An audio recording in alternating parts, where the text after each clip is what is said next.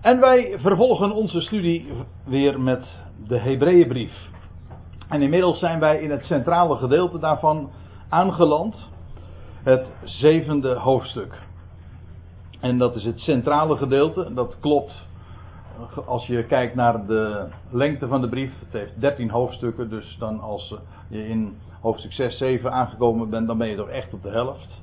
Maar het klopt ook thematisch heel sterk. Want Hebreeën 7, waar we vanavond mee zullen beginnen, dat is het gedeelte waarvan ik rustig durf te zeggen, en ik zal straks, of nee, niet straks, maar een komende keer ook aantonen.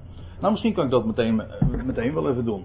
Dat het inderdaad het centrale gedeelte is, want als je Hebreeën 8 leest, het eerste vers daarvan, dan zegt de schrijver dit. De hoofdzaak van ons onderwerp is, dat zegt hij dus naar aanleiding van wat hij zojuist allemaal naar voren heeft gebracht, in zo'n hoofdstuk 7 dus. De hoofdzaak van ons onderwerp is dat wij zulk een hoge priester hebben die gezeten is ter rechterzijde van de troon der majesteit in de hemelen. Nou, en wat uh, verder volgt. Maar de hoofdzaak, dat woord hoofdzaak, dat letterlijk is, als je trouwens in statenvertaling hebt, dan staat er de hoofdsom. Dus de samenvatting. De samenvatting van dat wat we te vertellen hebben, dat, is, dat staat in hoofdstuk 8 vers 1 vermeld. En dat zegt hij dus naar aanleiding van het voorgaande in hoofdstuk 7. Zodat je inderdaad uh, in hoofdstuk 7 bij het, meest, bij het middelpunt van de brief bent aangekomen. En dan gaat het over de hoge priester die wij hebben leren kennen. En feitelijk is de, zijn de hoofdstukken die hieraan vooraf gegaan zijn niets anders dan een aanloop daartoe. Ik kan dat trouwens ook wel aantonen, want als we het hebben over Melchizedek, en daar gaat Hebreeën 7 over in zijn geheel, dan moeten we in de eerste plaats al even vaststellen dat als we daar in hoofdstuk 7 vers 1 mee beginnen, dan moeten we dan breng ik u nog even in herinnering dat de eerste keren dat we, dat, dat we die naam tegenkwamen, dat was in hoofdstuk 5, vers 6 en in, in het uh, tiende vers van datzelfde hoofdstuk.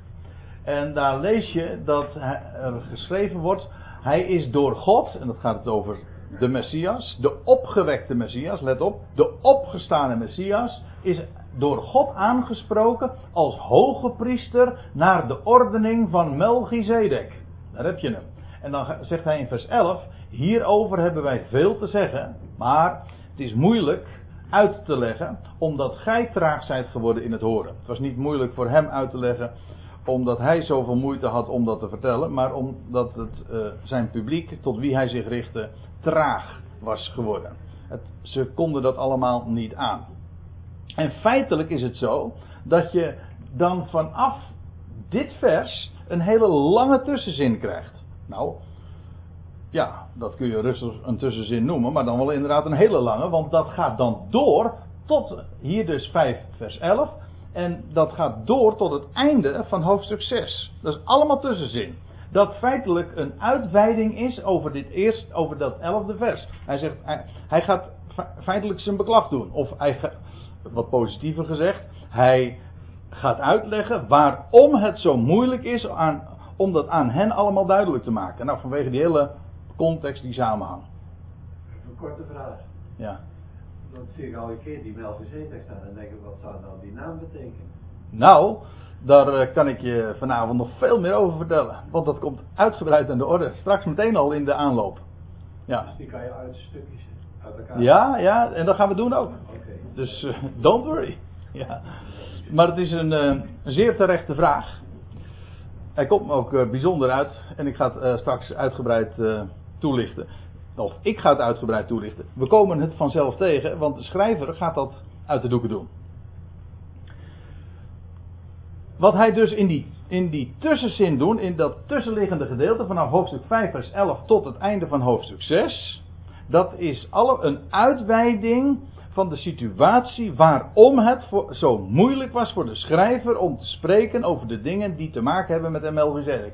Over hem, hierover of over hem, hebben wij heel veel te zeggen. Hij gaat het ook doen, Maar het is moeilijk, dat is het verhaal. En waarom het allemaal moeilijk is, nou ja, dat hebben we de voorgaande avonden besproken.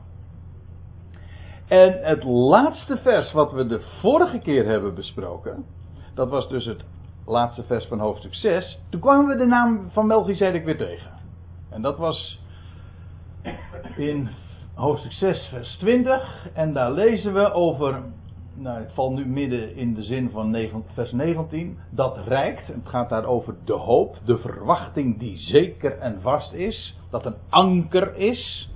Wel, dat rijkt tot binnen het voorhangsel. En dan staat er waarheen Jezus, hij die hier op aarde de vernederde was, waarin Jezus voor ons als voorloper is binnengegaan naar de ordening van Melchizedek, hoge priester geworden tot in de eeuw, tot in de aion.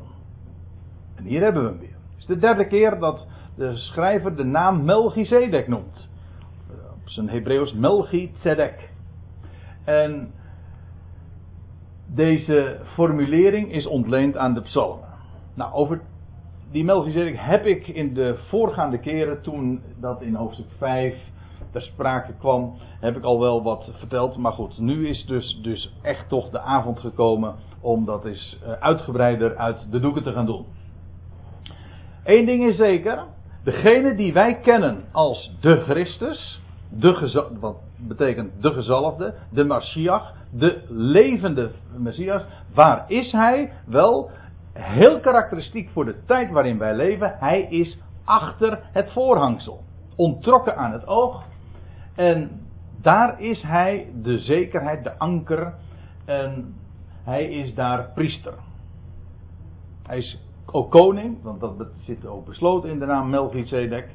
Maar hij is koning-priester naar de ordening van Melchizedek. Dat is hij geworden, ja.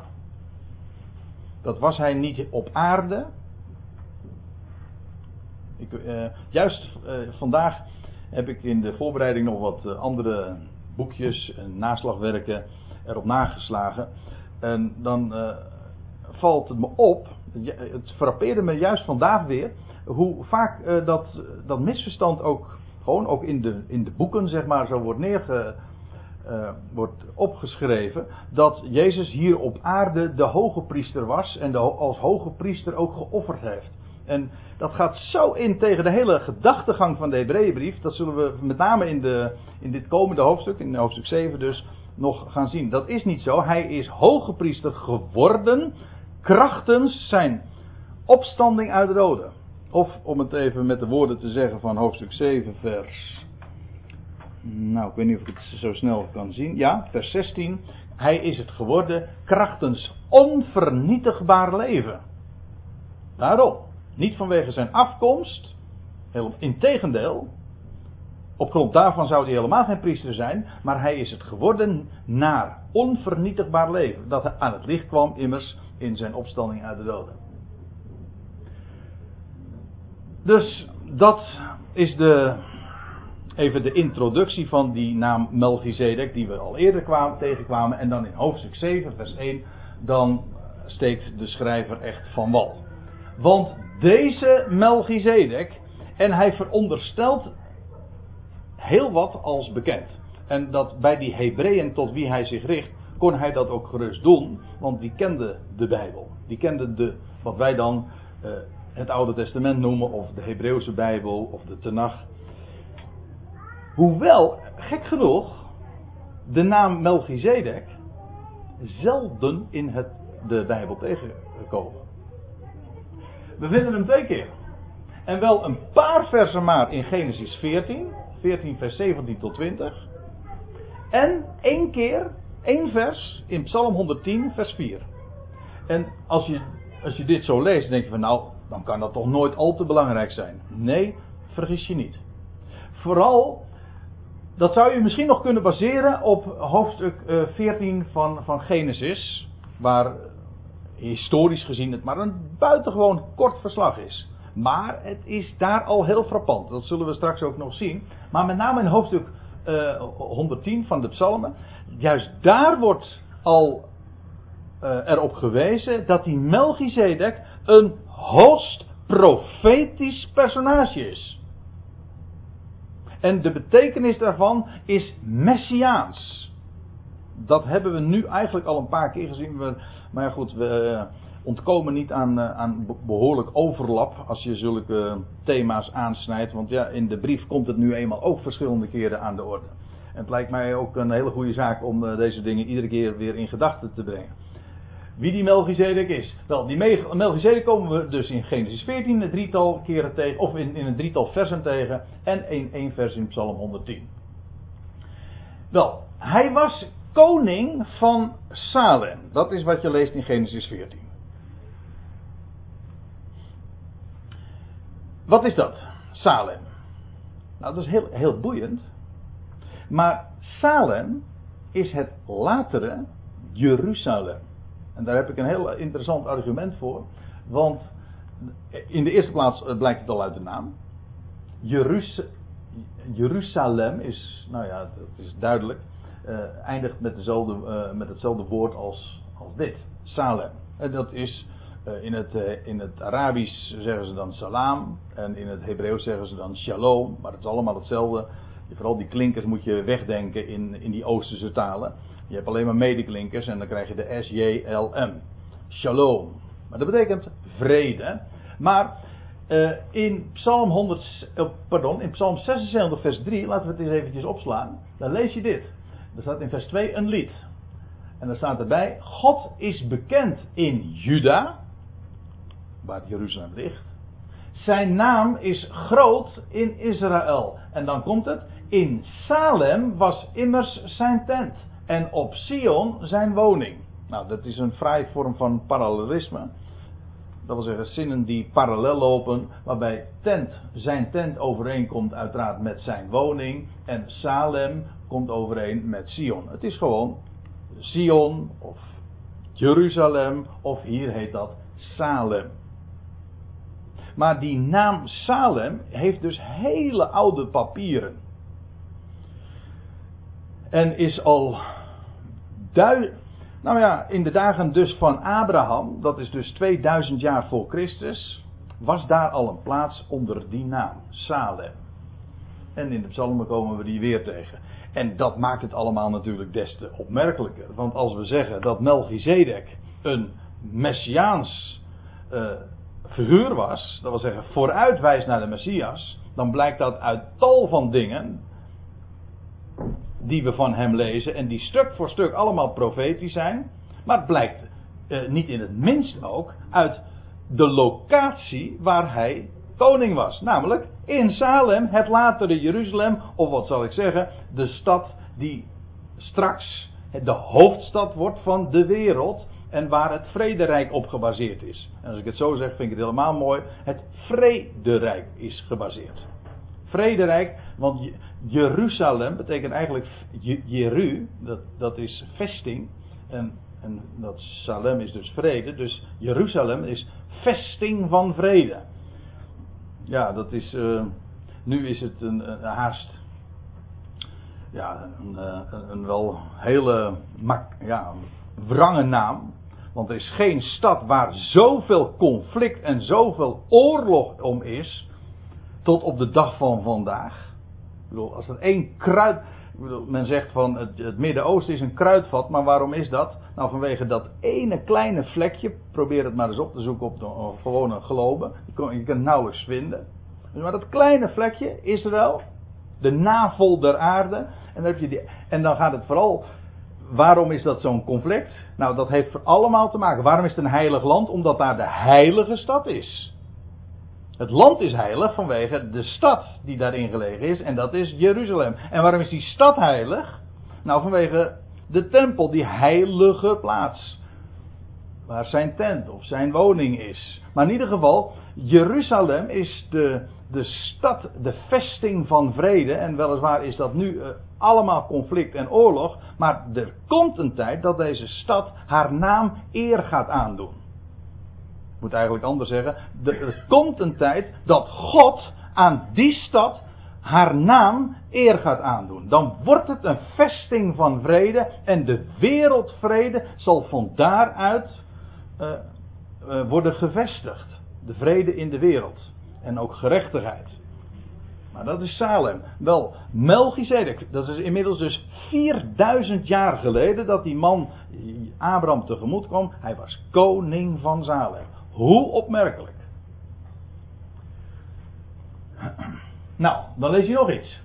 Uh, wat hier staat is allemaal gewoon rechtstreeks ontleend aan, aan Genesis 14. Je kunt zo na, ernaast leggen de schrijver die, die refereert aan, aan die woorden.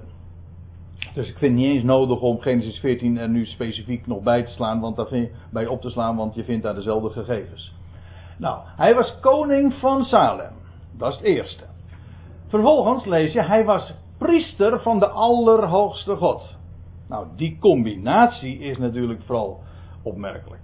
In de Bijbel is dat namelijk een, een combinatie die uh, in de dagen vanaf Mozes ondenkbaar was, dat je koning en priester kon zijn. Maar deze Melchizedek was het dus. Hij was koning van Salem, maar hij was priester van de Allerhoogste God. Onder het oude verbond was die combinatie van die, twee ambten of bedieningen een, een, onmogelijke combinatie, want de ene, het koningschap was, dat was ontleend aan de stam van, of was toevertrouwd aan de stam van Juda. Was trouwens ook al van oudsher gebeurd. Van hoe was het ook alweer dat wat Jacob zei? De, dus, hoe staat het nou in Genesis 49? Wie helpt mij? Uh, aan, uh, dat aan Juda de scepter zal toekomen. Ik citeer het nu even vrij. Nou, nou moet ik het even weten. Kan ik niet hebben.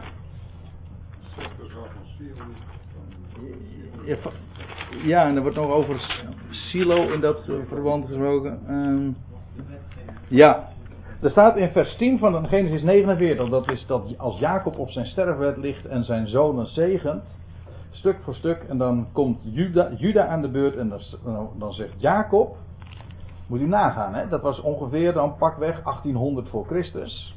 En het zou nog 800 jaar duren voordat dat daadwerkelijk waar werd. Dat de scepter daar naartoe zou gaan. Maar er staat er in vers 10: De scepter zal van Juda niet wijken, noch de heerserstaf tussen zijn voeten, totdat Silo komt en hem zullen de volkeren gehoorzaam zijn. Silo is een aanduiding ook van de Messias. Ja, de scepter zal van Juda niet wijken. Hoe dan ook, de scepter die werd dus van oudsher komt hij toe aan Juda. Maar hoe zat het dan met het priesterschap? Nou, het priesterschap dat kwam toe aan de stam van Levi. Zodat je, of je kwam uit de stam van Juda of uit de stam van Levi, maar je kon dus nooit beide zijn. Maar hij wel, Melchizedek, hij was koning en priester. En er staat er nog iets bij, we komen daar straks trouwens nog wel, uh, straks en later nog aan, uh, uitgebreider over te spreken. Maar dit. Hij was priester van de Allerhoogste God. In het Hebreeuws staat daar dit. El Elyon. En dat is een um, aanduiding, een van de namen van God. God de Allerhoogste, El Elyon. Maar het is een titel die verwijst naar triomf. De Allerhoogste, met recht. Dat betekent dus hij is hoger dan de anderen. De, de term zelf, als je als je er goed naar luistert, dan klinkt daar al in de, een, een, overtreffende trap. De allerhoogste, hoger dan wie dan ook dus. Maar dat niet alleen, maar uh, pak de concurrentie er maar eens op na, of sla de concurrentie er maar eens op na. En dan zul je zien dat die term allerhoogste gebruikt wordt in, in een context. Ja, ik, ga dat nou niet aantonen, maar je kunt het gewoon voor jezelf vaststellen. Dat dat gebruikt wordt juist in een context van, van triomf, van overwinning. Als de overwinning is behaald, dan is God de Allerhoogste. Het is daarom feitelijk ook een term die met name weer vooruitwijst naar het Messiaanse koninkrijk. Als Jeruzalem werkelijk Jeruzalem zal zijn. Dan zal hij de Allerhoogste zijn. Wel, Melchizedek, waar hij was een priester, er staat niet van de Almachtige, van El Shaddai, nee, van de Allerhoogste. In feite ook alweer een verwijzing naar het Messiaanse vrederijk. Goed, ik verwijs naar Psalm 97. Dat vond ik wel een heel fraai voorbeeld. Dan lees je in vers 8 dit. Sion heeft het gehoord en zich verheugd. De dochters van Juda hebben gejuicht en uw gerichten, o heren. Uh, oh, pardon. Om uw gerichten, o heren. Want gij, heren, Jaweh, zijt de allerhoogste over de ganse aarde. Gij zijt zeer hoog verheven boven alle goden. Of wat daarvoor doorgaat, denk ik er dan bij. De allerhoogste. En dat heeft te maken wanneer de gerichten zullen geweest zijn op de aarde. En God, gerichten, dat betekent dat God alles recht gaat zetten. Alles wat krom is, en er is wat krom in de wereld. Hij gaat het allemaal recht zetten. Grote orthopeet. Hij zet alles weer recht. En dan zal hij ook blijken te zijn de allerhoogste over de ganse aarde. Triomf, uh, triomferend over al zijn vijanden. Zeer hoog verheven. Goed. Ja, dit, ik ga nu wel echt uh, vrij langzaam, zinsdeel voor zinsdeel. Maar dat komt omdat ze ook zo enorm rijk zijn aan, aan, aan informatie en inhoud. Goed, Melchizedek, koning van Salem, priester van de Allerhoogste God. Die Abraham bij zijn terugkeer na het verslaan van de koningen tegemoet kwam. Dat kun je inderdaad gewoon nalezen in Genesis 14. Hij had zijn uh, neef Lot uit de brand geholpen. Met een legertje van 318 man. Waarom dat er nou zo bij staat. Sommige mensen zeggen, oh dat heeft verder niks te betekenen. Nou, dat kun je wel vergeten. Nou wil u natuurlijk weten wat, waarom wat die 318 man wel was. Nee, ga ik niet vertellen, want dan... dan uh... Maar goed, uh, hij, hij, hij, keert terug van een strijd. En dan gaat hij richting de dode, ja wat tegenwoordig dan de Dode Zee heet, maar dat was toen nog niet het geval. De koning van Sodom. Hij, hij vreesde hem te zien trouwens. Uh, of in ieder geval, uh, hij zou een ontmoeting hebben met die koning van Sodom. En dan is hij op de terugtocht. En dan is hij daar dus bij Salem. En dan komt hij die Melchizedek tegen. Terwijl hij zojuist dus uh, een aantal koningen had verslagen met een minuscuul legertje. Nou weet ik wel dat in die dagen de wereldbevolking nog heel erg klein was. Ja, het is een paar honderd jaar, laten we dat zeggen, na de zondvloed. Dus dat kan nooit uh, al te groot geweest zijn. Maar dan nog. Het was, uh, het was na de strijd dus, na het verslaan van de koningen. Dat is trouwens ook triomf. Is ook messiaans. Want wanneer zal Melchizedek zich manifesteren en wanneer zal hij zijn volk tegemoetkomen met zegen en met brood en wijn? Wel, dat zal, hij, dat zal zijn na de triomf en na de overwinning op de vijanden. Ook dat verwijst naar de Messiaanse tijd die gaat aanbreken. Enfin, dat was dus uh, het geval bij Abraham. Uh, Abraham die bij zijn terugkeer na het verslaan van de koningen uh, Melchizedek tegemoet kwam. Nou, eigenlijk was het omgekeerd. Melchizedek kwam hem tegemoet. En staat er dan nog bij, en hem zegende. Nou moet ik dan alsnog uh, even naar Genesis 14 toegaan, want dat is het enige wat niet namelijk hier vermeld wordt. Wat Melchizedek zei en waaruit die zegen dan wel bestond. Dat wordt in Hebreeën 7 niet behandeld, dat is niet het onderwerp. Maar misschien is het toch even goed om het uh, in herinnering te roepen wat daar staat in Genesis 14, vers 18. Dan lees je dit. En Melchizedek, de koning van Salem, bracht brood en wijn. Ook dat element wordt merkwaardigerwijs voorbij, aan voorbij gegaan in de Hebreeënbrief. Hij bracht brood en wijn. Het embleem van leven en overvloed. En dan staat erbij, hij, hij nu was een priester van God, de Allerhoogste. En er staat er dan bij, en hij zegende, hij is Melchizedek, hem is Abraham, en zeide, gezegend zij Abraham, zo heet hij toen nog, Abraham. De H kreeg hij later aan zijn naam toegevoegd. Gezegend zij Abraham door God, de Allerhoogste, de schepper van hemel en aarde, en geprezen zij God, de Allerhoogste. Zie je het accent? Twee keer. En geprezen zij God, de Allerhoogste, die uw vijanden in uw macht heeft overgeleverd. Dat was de zegen die Melchizedek uitsprak. Een zegen dus aan Abraham, maar feitelijk ook hier weer is, ook dit is profetisch. Het verwijst naar de zegen die God aan zijn volk straks zal geven. Als hij zich zal manifesteren en de, de vijand zal verslaan. Wel, dan zal God blijken te zijn de Allerhoogste. Niet alleen de schepper van hemel en aarde, maar die ook de, de bezitter is. Ik wil, ik steek mijn hand er niet voor in het vuur, maar ik meen me te herinneren dat hier het woord schepper eigenlijk ook het woord bezitter is. Maar nogmaals, dat is alleen even een, eh, een losse gedachte. Ik weet niet helemaal zeker.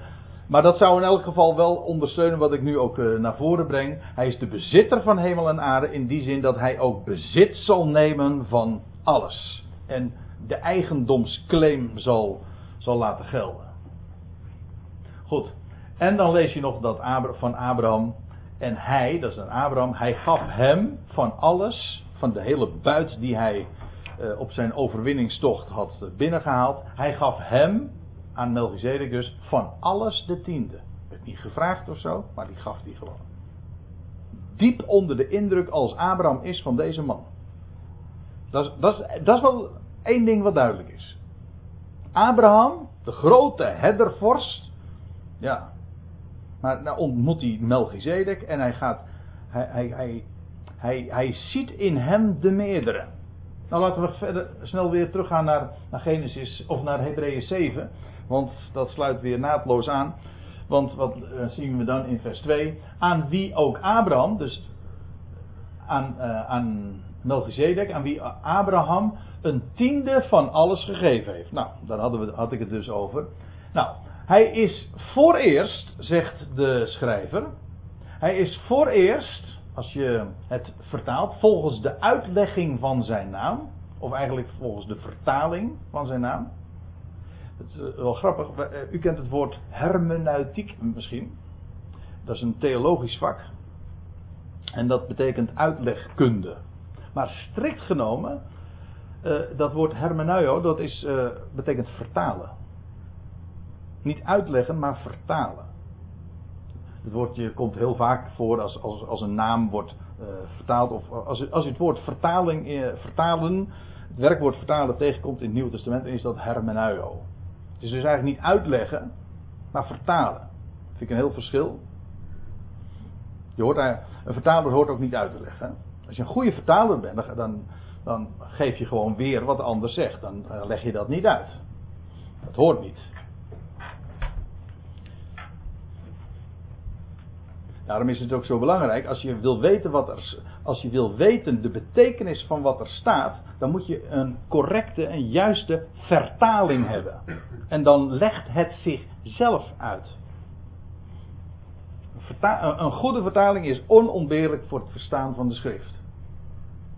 Goed, dat was even een, een, een zijstapje in verband met dat woord, dus hermeneuo. Uh, Melchizedek is voor eerst volgens de uitlegging van zijn naam Gerard, jij vroeg er al naar. En uh, de Hebreeën schrijver die voelde dat aan of zo. Die vraag al van jou, Gerard. En hij zegt: Koning der gerechtigheid. Zie daar, dat is wat Melchi Sedek betekent. Melchi betekent koning. Melech. Er zijn heel wat uh, namen in de, in de Bijbel.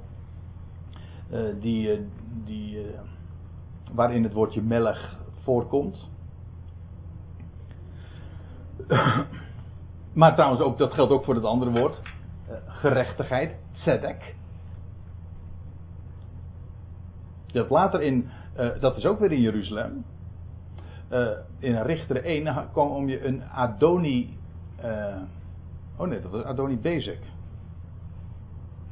Ja, nee, nou ben ik even in de war. Ik wou zeggen dat was ook Tzedek, maar dat was Bezek.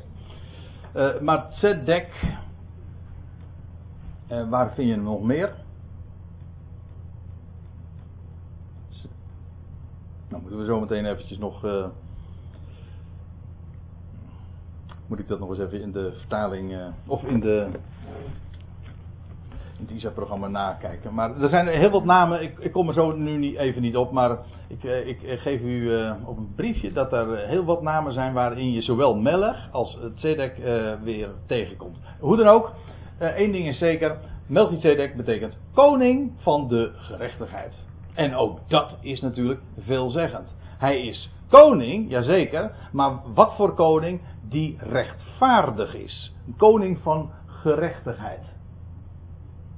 En ook dat is, spreekt niet alleen maar van historie. Hij was een rechtvaardige koning, dat is wat zijn naam uitbeeldt. Maar uiteraard verwijst het naar hem die straks als koning zal heersen in Salem. Daar zal hij zijn residentie, zijn paleis, zijn, heersers, zijn, zijn heersersplaats hebben. Zijn, hij zal heersen in gerechtigheid. Een rechtvaardige koning. Dus kenmerkend voor het Messiaanse Rijk dat straks zal aanbreken, dat er een rechtvaardige heerschappij zal zijn, waar recht gedaan wordt. Ook dat staat zo haaks op, op, alles wat we in deze wereld uh, tegenkomen. Laten we wel wezen, als wij het erover hebben, over politiek en over regering, dan weten we allemaal, dan, dan, is, al, dan is het allemaal krom. Zodra je met politiek in aanraking komt, dan weet je, dan, dan worden de dingen verbogen met recht en dus krom gemaakt. En, eh, en het hangt, en dat heeft ook ermee te maken, het is niet recht toe, recht aan, het is allemaal kronkelen en het is list en bedrog. Die reputatie heeft uh, uh, politiek in het algemeen, maar het is gewoon ook zo. Het is heel triest, maar dat is ook wat deze Aion zo boos maakt. Ongerechtigheid. De waarheid die, Romeinen 1, de waarheid die in ongerechtigheid ten onder die eh, in ongerechtigheid ten onder wordt gehouden. Maar het geweldige is, daar komt een koning die werkelijk koning der gerechtigheid zal zijn. En vervolgens ook staat er koning van Salem. Nou, daar hadden we het al even over. En hier wordt uh, vooral gewezen op de betekenis van de naam. Niet zozeer op de locatie dat hij koning van Salem was, namelijk in Salem. Het latere Jeruzalem. Maar de naam Salem, dat is koning van de vrede. En daar wijst de schrijver zo even heel snel op, op al die gegevens. En stuk voor stuk verwijst het naar hem die gaat komen. De koning-priester naar de ordening van Melchizedek. Nou, en nou komen we in vers 3. Dus, eh, en nou wordt het wel uh, ja, lastig, wat hangt er vanaf. Het wordt heel boeiend. Want wat lees je over die Melchizedek? Zonder vader, zonder moeder, zonder geslachtsregister, zonder begin vandaag of einde des levens. En dat klinkt heel mysterieus. Want als je dat in de, het boek Genesis nakijkt, dan zeg je van. Zo heeft men namelijk het uh, dikwijls opgevat van Melchizedek, die. Uh, men heeft zelfs uit, uh, wel de uitleg geopperd dat hij een engel zou zijn, of God zelf, of dat hij een, een, uh, een verschijning van Christus was in het Oude Testament. En dat heeft men allemaal gebaseerd op deze woorden. Men zegt dan van hij had geen vader en hij had geen moeder. Maar het punt is dit: die heeft hij niet in de beschrijving. Zoals we hem tegenkomen in Genesis, daar vinden we geen vader vermeld, geen moeder vermeld, geen geslachtsregister. En dat is eigenaardig, want als we daar belangrijke figuren tegenkomen, in het, boek, in boek Genesis, maar in het algemeen in de Bijbel zie je dat, dan wordt hij altijd geïntroduceerd. Zijn afkomst is van belang. Voor een koning sowieso en voor een priester trouwens ook. Waarom? Omdat een koning moest zijn uit een specifieke familie. En een priester moest ook uit een specifieke familie. Van Melchizedek lezen we het niet. Zijn afkomst wordt niet vermeld. Nog zijn vader, nog zijn moeder. En uh, er ook geen geslachtsregister. Had hij die niet? Jawel, on, of ongetwijfeld. Maar in de Bijbel komen we hem niet tegen. En, en het opmerkelijke hiervan is, is dat de schrijver onderwijs geeft over de figuur van Melchizedek, over wat er over hem vermeld wordt. Bijvoorbeeld dat hij koning van vrede, uh, zijn, zijn naam en, koning uh, van gerechtigheid en dat hij zegende en nou ja, et cetera, wat we al zojuist hebben besproken. Dat wordt allemaal vermeld. Maar er worden zelfs conclusies getrokken. Er wordt onderwijs verbonden aan het feit, eh, of aan dingen, die niet van hem vermeld worden. Dat is eigenaardig. is dan ook mijn volgende vraag. Het moet kloppen, theoretisch, hè, analytisch gezien. Maar Dus er was al een koninkrijk begonnen in Salem, voordat Abraham en al die andere geschiedenissen zich afspeelden. Dus hij was er al sinds Noach. Ik bedoel, er was Nee. al een. God heeft al een koninkrijk begonnen voordat iemand wist dat dat het was. Mm, Nou, ik weet niet of je dat zo kunt zeggen. Dat, eh, dat, dat eh, blijkt ook niet uit Genesis 14. En dat wordt ook niet hier in de, in de Hebreeënbrief zo naar voren gebracht. Wel, wel dat er een koning was daar in het latere Jeruzalem. Die notabene Melchizedek heette. En die, nou, van wie Abraham in elk geval heel duidelijk onderkent. Dit is iemand die zo groot is. En hem ook zijn tiende geeft. Hij wordt door hem gezegend, et cetera. Dus hij is, hij is in alle opzichten een, een, een type of een prefiguratie, zoals dat zo mooi heet, van de koning-priester die zou komen. Dat wel. Dus hij is een voorafschaduwing. Maar je, je kunt niet zeggen van eh, dat het. ko- oh, ja, je kunt, al, je kunt alles zeggen, maar oh, bijbels kun je dat niet hard maken van dat hij dus al vanaf de dagen van Noach dat al was. Dat staat er allemaal niet. Maar wat wel zo is, Misschien dat ik daar, nog eventjes even eh, een, een vette streep onder mag zetten. En dat is dit. Er zijn nogal wat mensen die eh, een, een aversie hebben tegen wat dan typologie heet.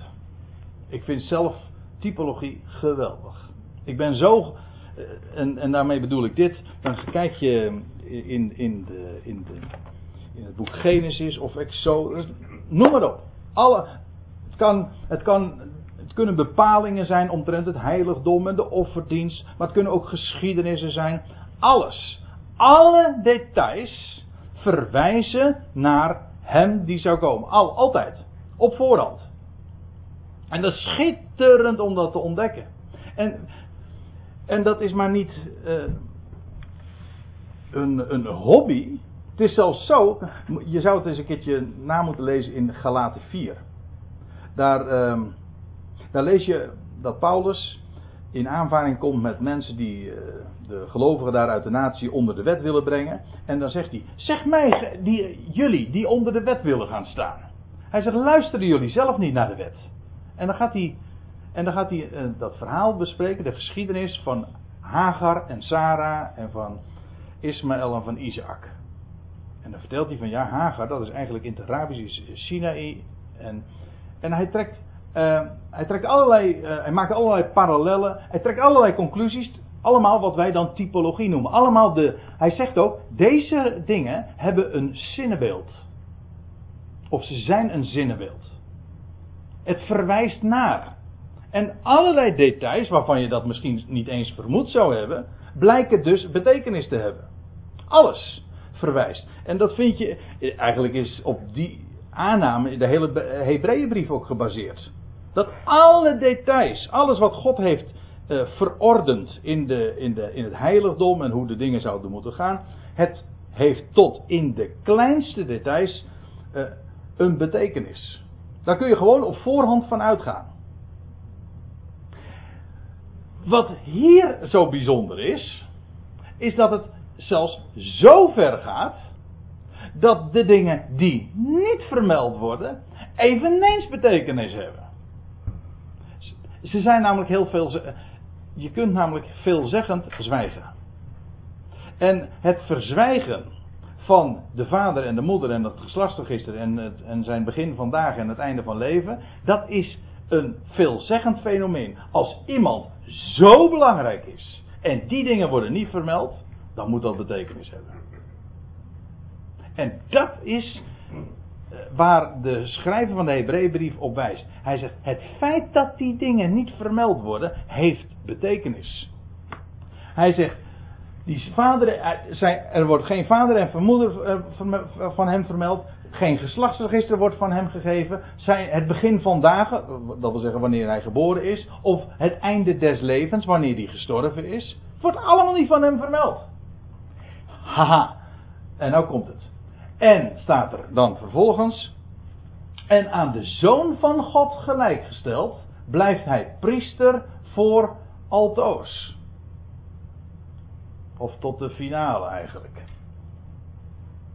Tot het doel is bereikt. Wat is hier de gedachte? Wat, wat wil de schrijver hiermee zeggen? Kijk, hij zegt: Al die dingen worden van hem niet vermeld. Geen einde van leven. Nou, zegt hij. Daarin is hij de zoon van God gelijkgesteld. Als u het hier ziet, in de meer letterlijke weergave, er staat picturing. Dat wil zeggen, um, gelijkend. Of uitbeeldend. Hij is de zoon van God uitbeeldend. Hoezo dan? Waarin is Melchizedek de zoon van God uitbeeldend? Wel, dat hij priester voor altoos is. Hoezo priester voor altoos? Is, is Melchizedek dan nog steeds priester? Nee, letterlijk niet, maar in beeld wel. Dat wil zeggen, hij, zijn priesterschap is nooit voorbij gegaan. Dat is het punt. Zijn priesterschap, hij, een einde van leven wordt van hem niet vermeld. En dus is hij in type, dat is de gedachte. Ik, we zullen dat trouwens in de nakomende vers ook nog zien. In type is hij dus daarin een uitbeelding van hem, de zoon van God die inderdaad priester is. Let, die letterlijk priester is voor altoos, tot de finale. Inderdaad niet tot in eeuwigheid, maar daar zullen we het ook nog eens over hebben. Maar wel tot in de aion. Ik geef toe, het, je moet hier even goed uh, bij stilstaan en goed over nadenken. En ik begrijp ook, als ik zo dit, deze dingen nou uh, naar voren breng, begrijp ik ook precies wat de schrijver eh, bedoelde te zeggen met uh, het is moeilijk om het uit te leggen. Niet omdat jullie traag zijn trouwens hoor. Begrijp me goed. maar ja, kijk, als je geen feeling hebt met, met typologie. Of als je niet vertrouwd bent met, met het gegeven dat alles in de schrift. En ik bedoel alles in de schrift. Tot in de kleinste details. Trouwens, dat geldt niet alleen voor de schrift, maar dat geldt ook voor de schepping. Alles heeft betekenis en verwijst naar hem van wie heel de schrift spreekt. En als je niet geloven wilde, zou je dat maar eens een keertje aan de Emmausgangers moeten navragen. Die ook toen op de derde dag op weg waren naar Emmaus. En dan lees je dat ze die vreemde man tegenkomen, incognito bleken de Messias te zijn. Maar niettemin, dan lees je dat, uh, dat hij zegt van, o onverstandig en trage van hart. En dan, zegt hij, en dan staat er, en, en, eh, en beginnende bij Mozes begon hij uit te leggen dat al de schriften op hem betrekking hebben. Al de schriften, alles. Nou, en er zijn vele tientallen voorbeelden van te geven waarin dat ook geïllustreerd wordt. Niet alleen maar als het gaat om de voorzeggingen, letterlijk, concreet, maar ook de typologieën, de typen, de verhalen. Wat dacht je van al die geschiedenissen van, van David en van Samuel en van Salomo, et cetera. Het verwijst, of van Simpson. Ik heb juist de laatste daar nog mee bezig gehouden. Schitterende verwijzingen. Heenwijzingen naar de Zoon van God. Nou, nu gaat het er eventjes om, omdat we geen einde van leven van de Melchizedek vermeld vinden. Wel, daarin lijkt hij op de Zoon van God die priester is voor altoos. Dat is de gedachte.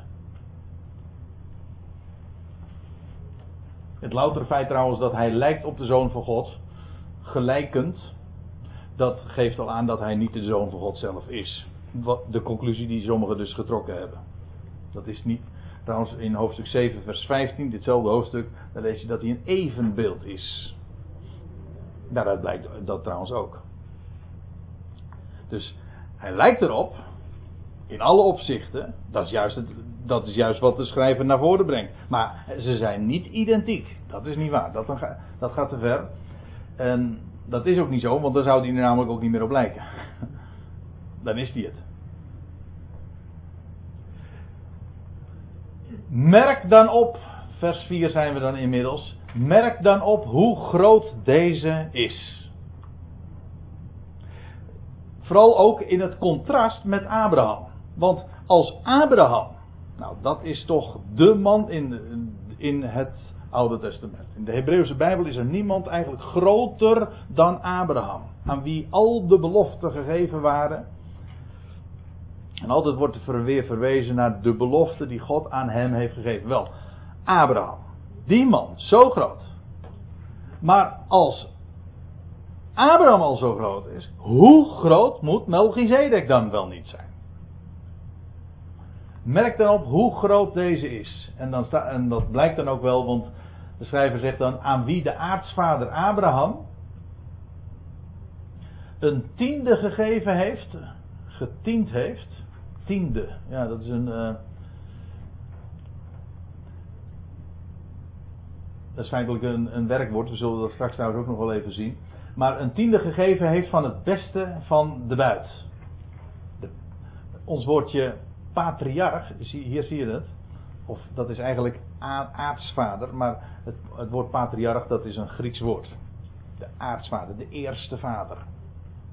Aan wie de eerste vader Abraham een tiende gegeven heeft van het beste van de buit. Ik, zei, ik, ik wees er zojuist al eventjes op. Dat was niet omdat Melchizedek dat eiste. Maar, maar Abraham die geeft hem dat vrijwillig. Zo staat het er. En nu gaat de schrijver verder met, zijn, met de parallellen trekken. En dan moet je even goed erbij blijven. En dan zegt hij dit. Nu hebben zij, die uit de zonen van Levi het priesterambt verkrijgen. Even pauzeknop. Wacht even. Hier hebben we dus aan de ene kant de priester Melchizedek, de koning priester Melchizedek. En aan de andere kant is hier sprake van de zonen van Levi. Ik zei al, het is de stam van Levi aan wie het priesterambt was toegekend. Wel, de zonen van Levi, die het priesterambt verkrijgen, die hebben volgens de wet wel de opdracht de tiende te heffen. Dat lezen we in de, in de, in de boeken van Mozes. De, de stam van Levi, die kreeg tienden van elke andere stam. Ze hadden het daarmee heel erg goed trouwens. Dat vind ik wel erg mooi. Want ze kregen dus 10% van al die andere stammen. Nou, dat waren 11 stammen. De 11 andere stammen. Dus ze kregen. Ze hadden meer.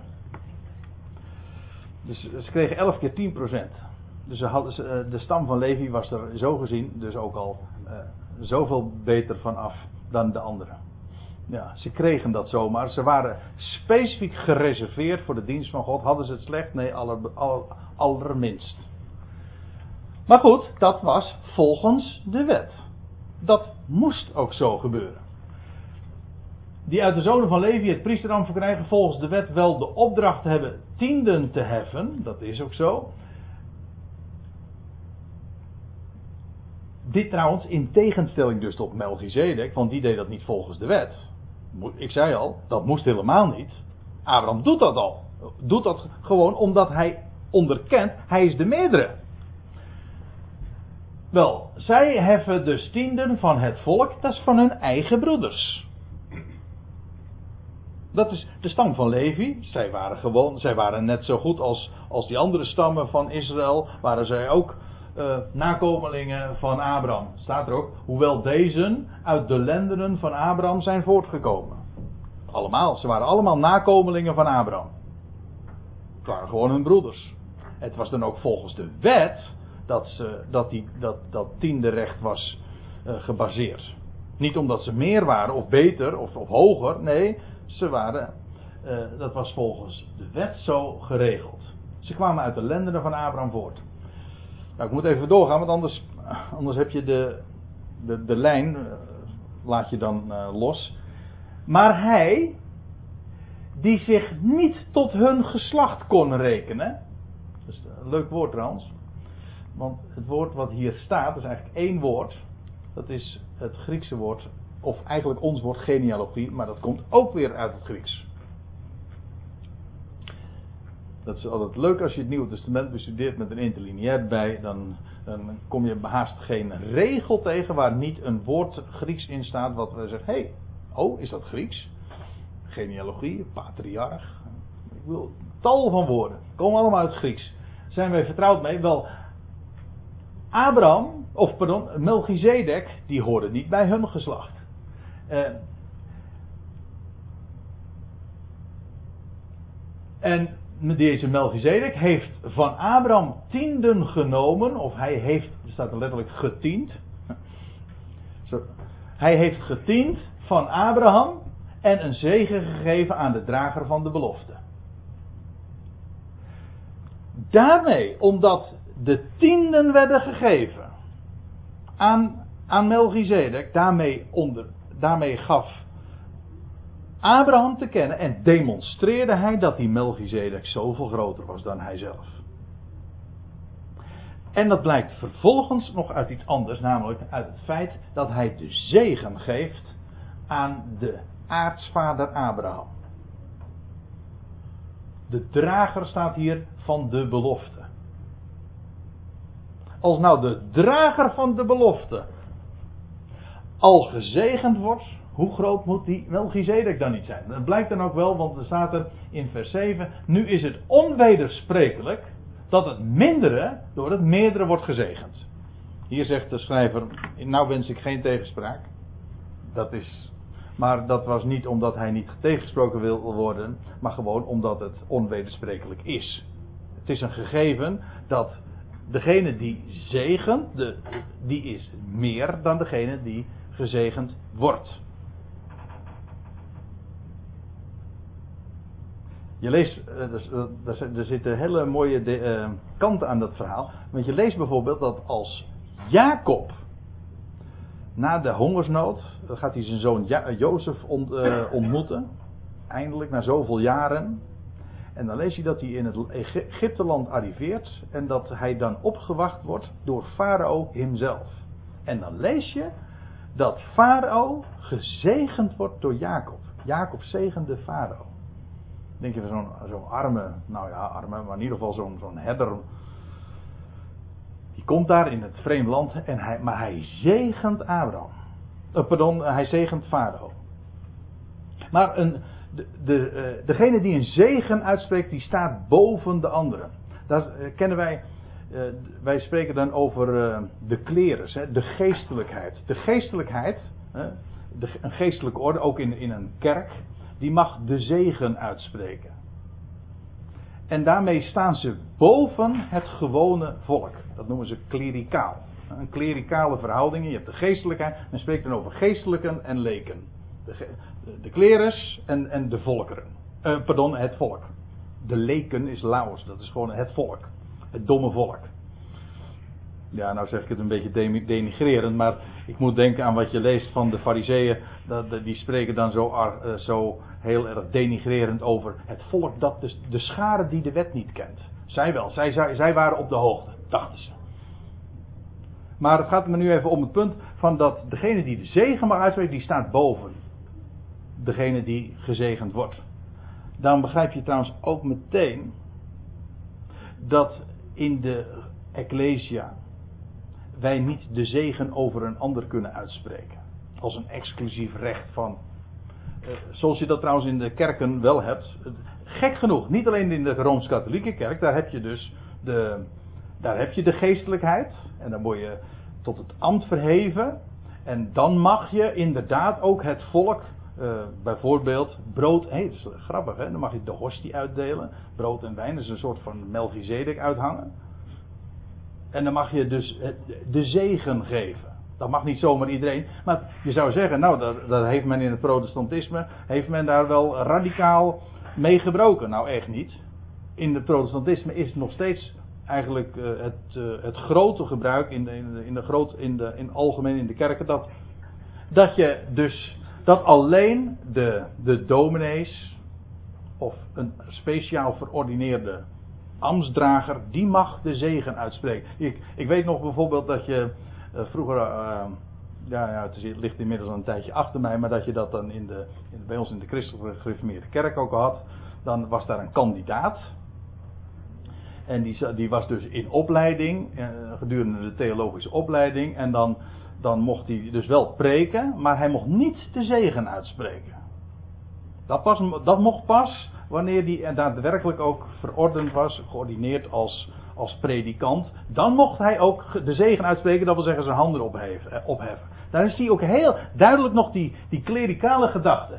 Degene die de zegen uitspreekt is namelijk de meerdere. Nou, In de Ecclesia, waar zijn wij allemaal broeders en zusters, daar, is, daar zijn geen meerdere of minder. En iemand die dient met het woord is niet meer, in tegendeel zelfs. Dus een dien, dan ben je een dienaar het woord. Niet anders. Maar dat je meer zou zijn, of dat je gezag zou hebben, of dat je boven de anderen zou zijn, of dat je de anderen kan zegenen. Wel nee. Bovendien denk ik dan met uh, Paulus in de Efezebrief. Hoezo zegenen? Wij zijn gezegend met alle geestelijke zegen in de hemelse gewesten. In Christus. En daar danken we God voor. Nou ja, dat was even een uitweiding, maar het gaat er even om. Het is onwedersprekelijk dat het mindere door het meerdere wordt gezegend. Met andere woorden, dat als Abraham deze Melchizedek aantreft. En Melchizedek zegent Abraham, daarmee wordt gedemonstreerd dat Melchizedek boven Abraham stond. Dat, dat demonstreerde uh, Melchizedek. En vervolgens erkende uh, Abraham dat weer door hem zijn tienden te geven van alles. Zo waren die verhoudingen. Melchizedek, de meerdere, inderdaad. En dat is precies ook waarin hij verwijst naar uh, de Messias, die de echte koning-priester, die straks zal komen. Ik stel voor dat we eerst even een kopje koffie gaan drinken. En dan zetten wij straks de